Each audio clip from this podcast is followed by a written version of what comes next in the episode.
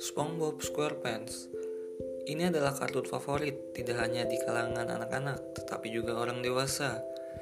Namun, di balik hal-hal lucu yang ia dan temannya perbuat, sebuah teori mengatakan bahwa penghuni Bikini Bottom adalah pecandu narkoba dengan gangguan mental.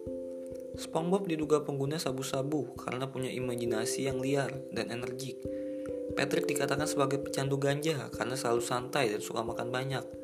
Sementara Squidward disebut pecandu heroin karena mudah kesal dan sering murung.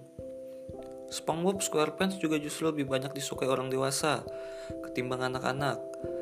Perbandingannya, angkanya cukup jauh berdasarkan lembaga survei di Inggris. 60% orang yang menyaksikan SpongeBob merupakan penonton berusia 18-50 tahun. Layaknya tontonan orang dewasa lainnya. Hmm, konspirasi yang unik menurut gue nih. Sekian dari gue. Ciao.